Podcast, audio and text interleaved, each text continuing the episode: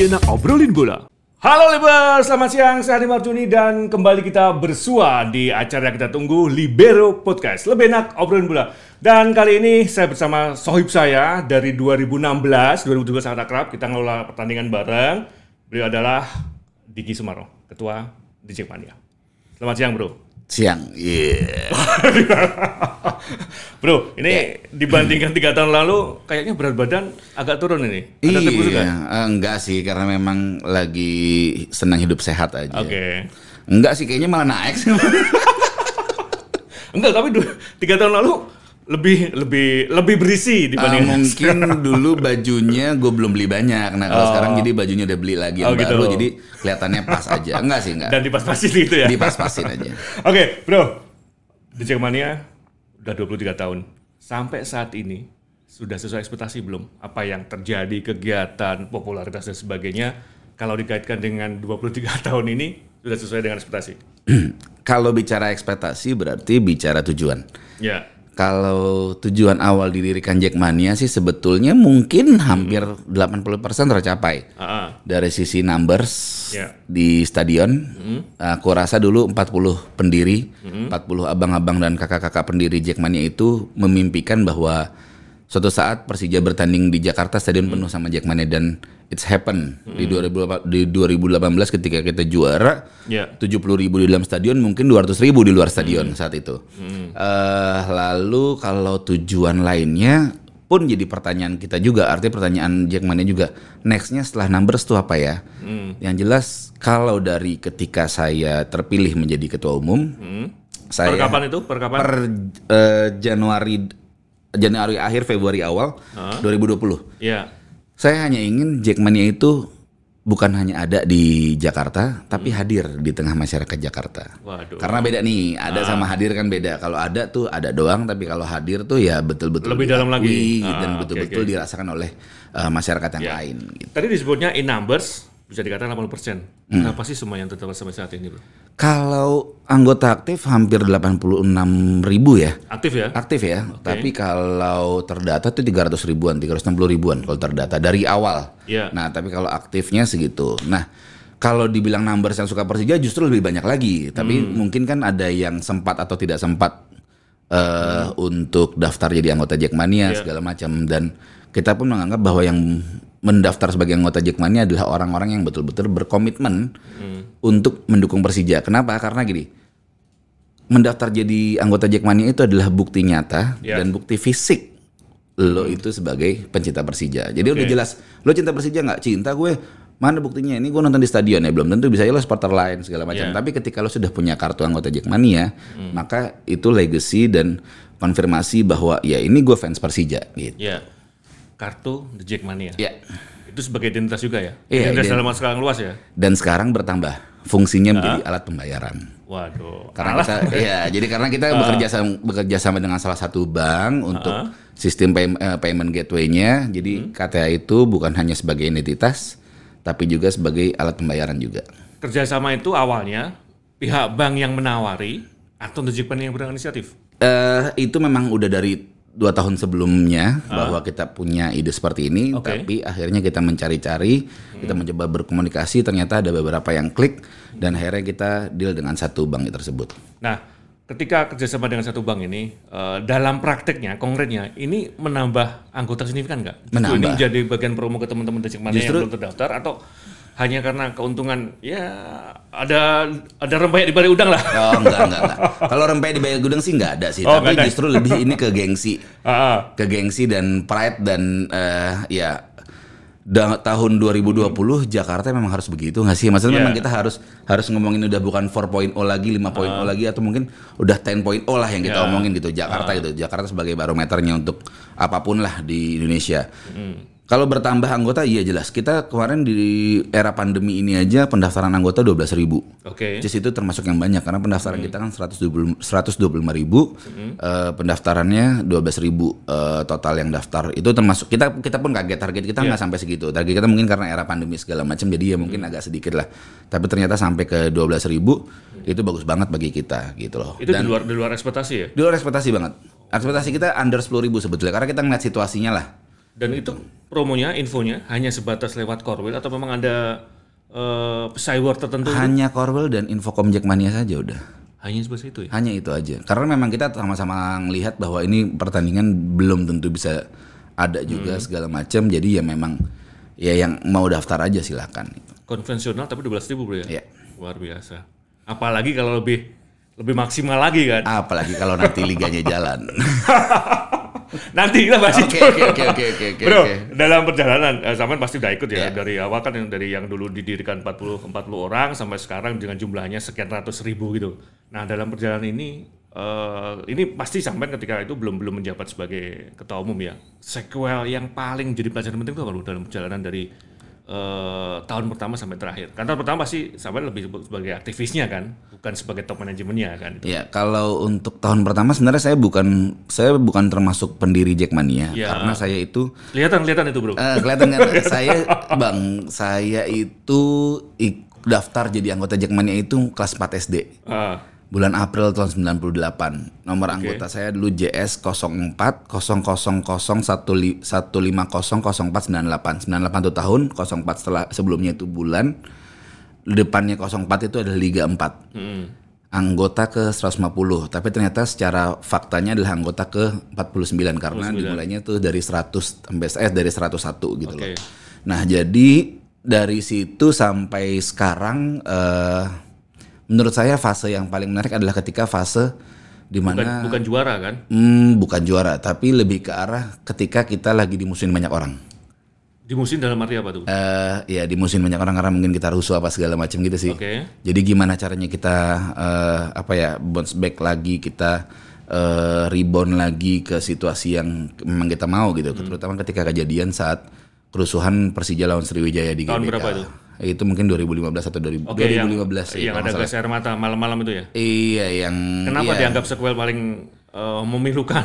Ya karena itu kita bikin geger semua orang sih, maksudnya kita eh, ada bentrokan dengan pihak yang berwajib, lalu ada korban dari pihak yang berwajib juga. Di lalu lapangan juga di lapangan terhenti. juga terhenti juga, Oke. lalu eh, di luar juga rusuh juga, rusuh besar juga, lalu eh, akhirnya ad- ada efek setelah itu gitu loh, ada efek setelah kejadian itu, terus ya juga kita juga nggak bisa akhirnya ngapa-ngapain dan kita dihukum saat itu. Kalau nggak salah dihukum berapa pertandingan dan ada penonton, pertandingan ya. mulai, tapi kita nggak boleh pakai atribut Jackmania.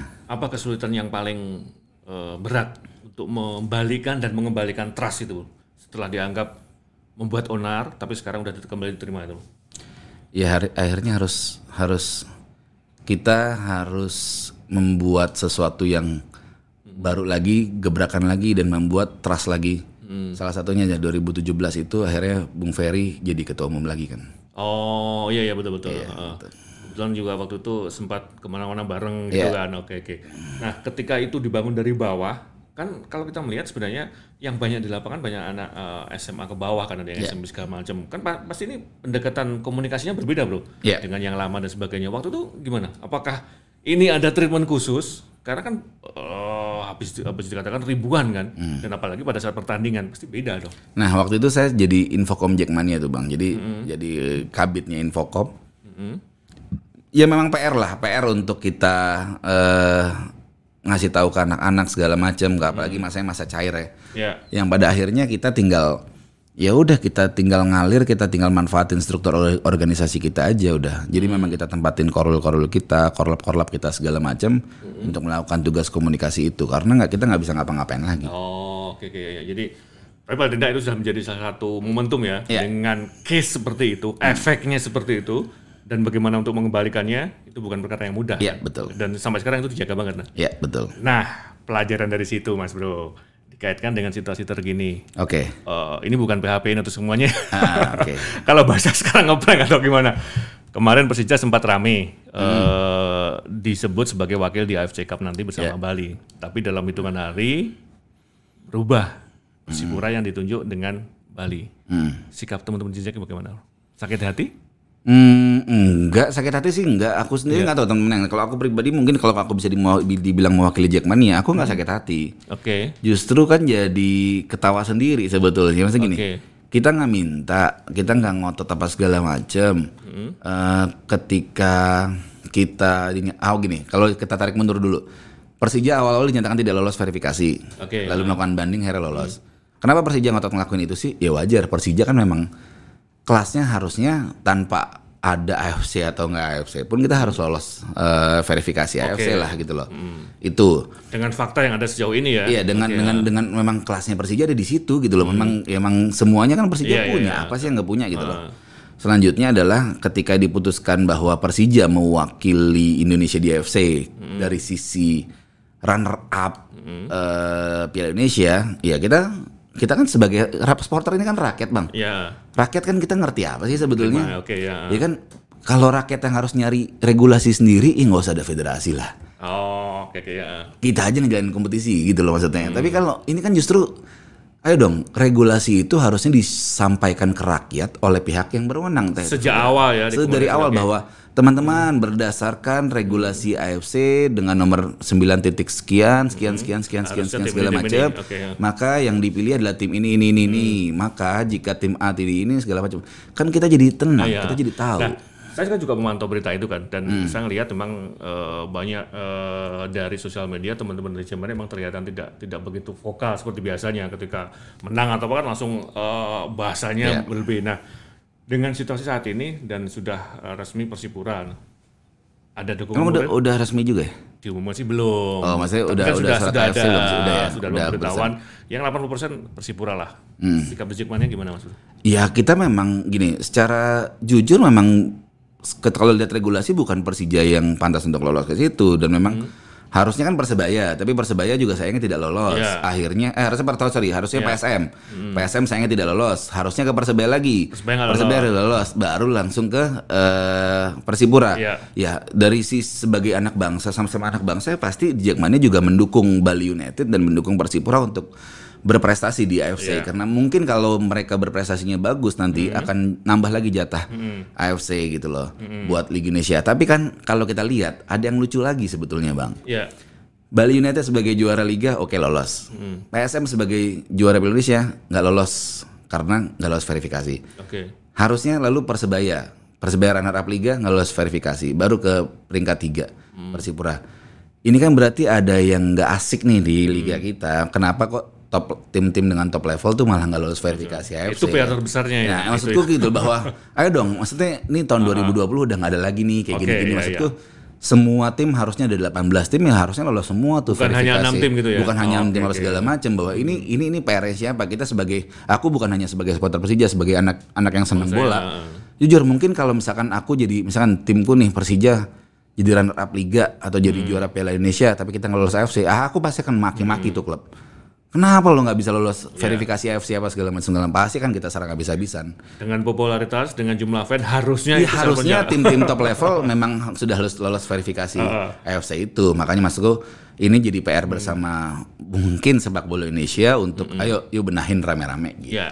Ya mudah-mudahan ini semuanya bisa menjadi satu perhatian khusus Mas Bro. Ya. Bukan hanya federasi tapi juga di level klub paham bahwa saat ini klub sudah menjadi satu identitas Ya. bagi masalah satu tempat artinya apa yang menjadi harapan benak setiap apalagi supporter itu yang harus diwujudkan. Ya, betul. Oke, Mas Bro, kita kembali ke soal The Jackmania.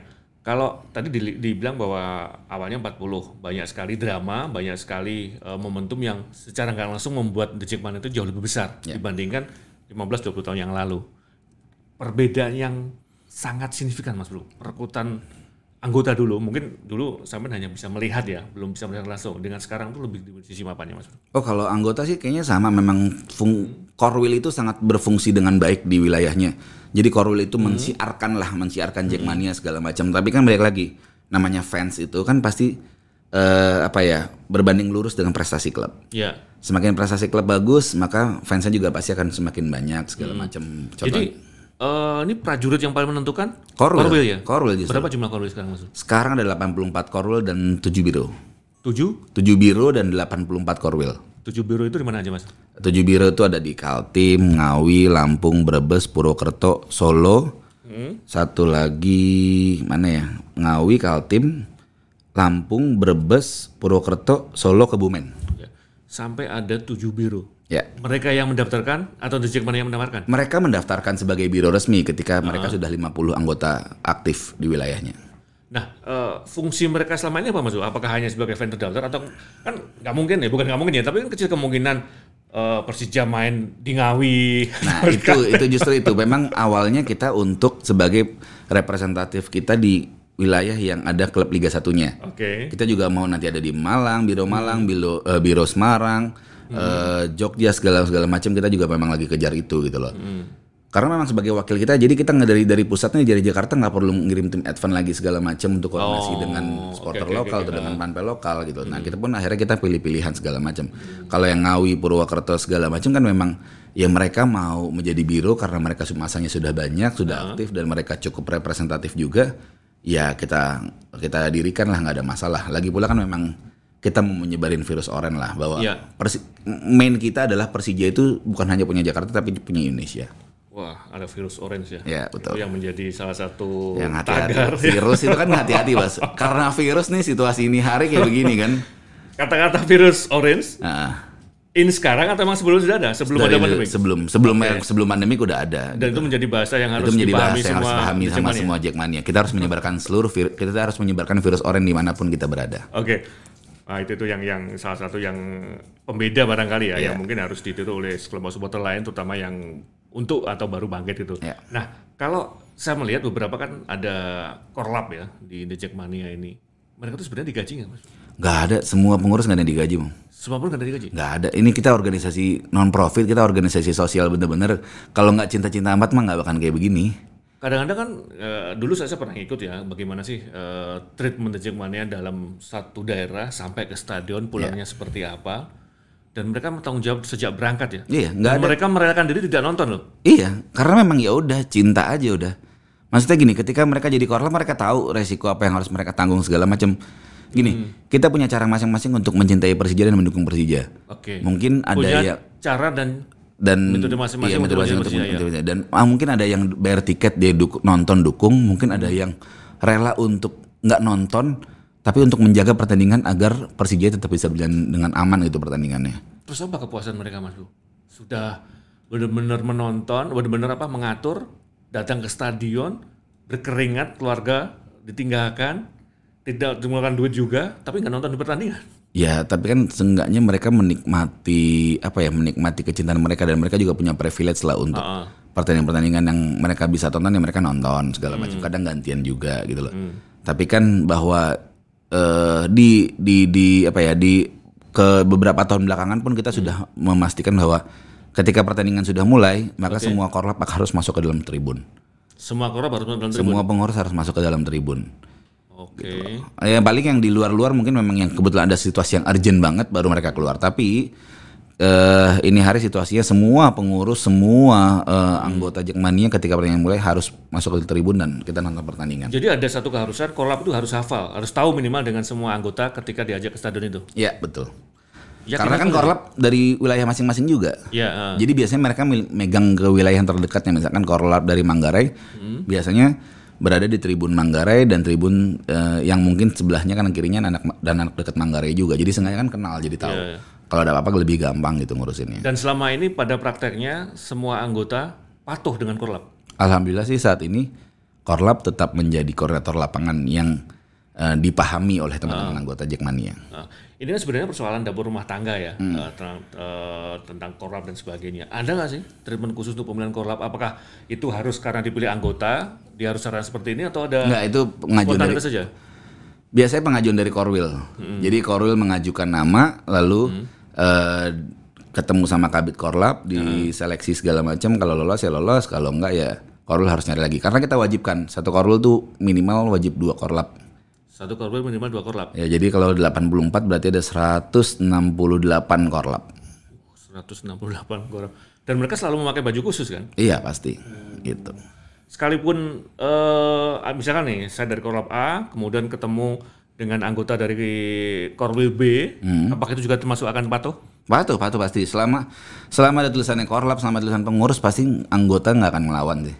Anggota juga pasti akan patuh karena mereka tahu betul ya pengurus nih ke- berbaktinya seperti apa, pengabdiannya seperti apa buat Persija dan Jackmania sih. Oke, oke.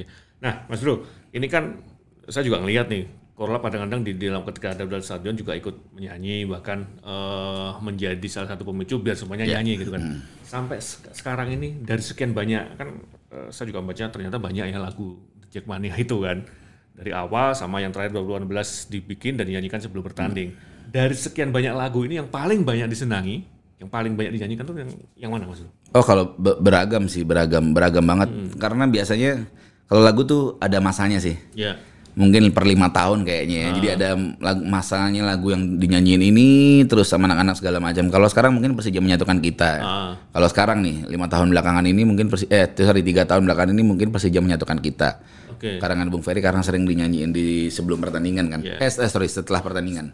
Sebelum oh ya setelah, Setelah pertandingan. Nah, tapi kalau yang dinyanyi, sering dinyanyiin sama anak-anak sih mungkin lagunya Circle Cloud sih itu. Eh, gue lupa judulnya apa tapi ya paling lagu itu sekarang yang yang yang paling sering dinyanyiin lah sama anak-anak. Nah itu kan di luar juga banyak tuh band-band The Jackmania kan kalau nggak salah yang diakui dan dan tenar dalam tanda petik ada 12 itu kan. Hmm. Sampai saat ini mereka termasuk bagian yang menyatukan itu enggak? Oh pasti. Mau gini, eh, ketika sebuah kelompok atau organisasi eh, punya sesuatu yang bisa melah- eh, dilahirkan, makanya kan jadi sesuatu yang positif. Artinya Jackmania ini melahirkan band-band yang memang apa ya, yang memang bantu mensiarkan juga tentang Iya. Jackmania dan Persija. Dan mereka termasuk orang yang menyatukan Jackmania juga dengan lagunya segala macam.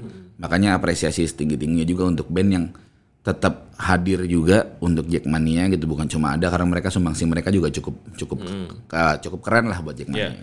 Itu kan ada satu grup band yang eh, lucu gitu kan. Gandul-gandul. Ya. Ya.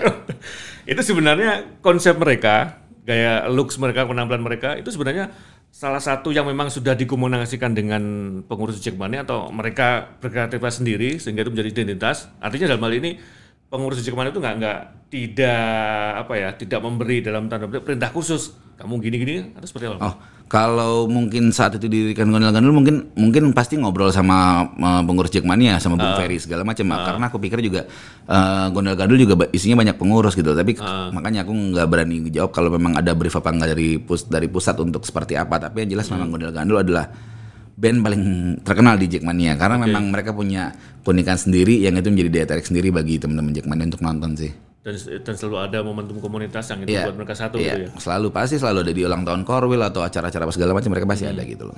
Itu yang saya pikir agak berbeda dengan yang lain Mas Bro. Iya betul. Oke Mas Bro, tahan dulu komentarnya tapi saya yakin eh, sampean punya banyak yang perlu diceritakan ke kita dan juga eh, Libers di seluruh Indonesia. Banyak sisi menarik, banyak sisi unik, banyak sisi yang perlu dicontoh dari Jackmania. Bagaimana mereka di sebelumnya sulit untuk mendapatkan atau merangkul anggota, sekarang malah ribuan. Tunggu setelah yang satu ini.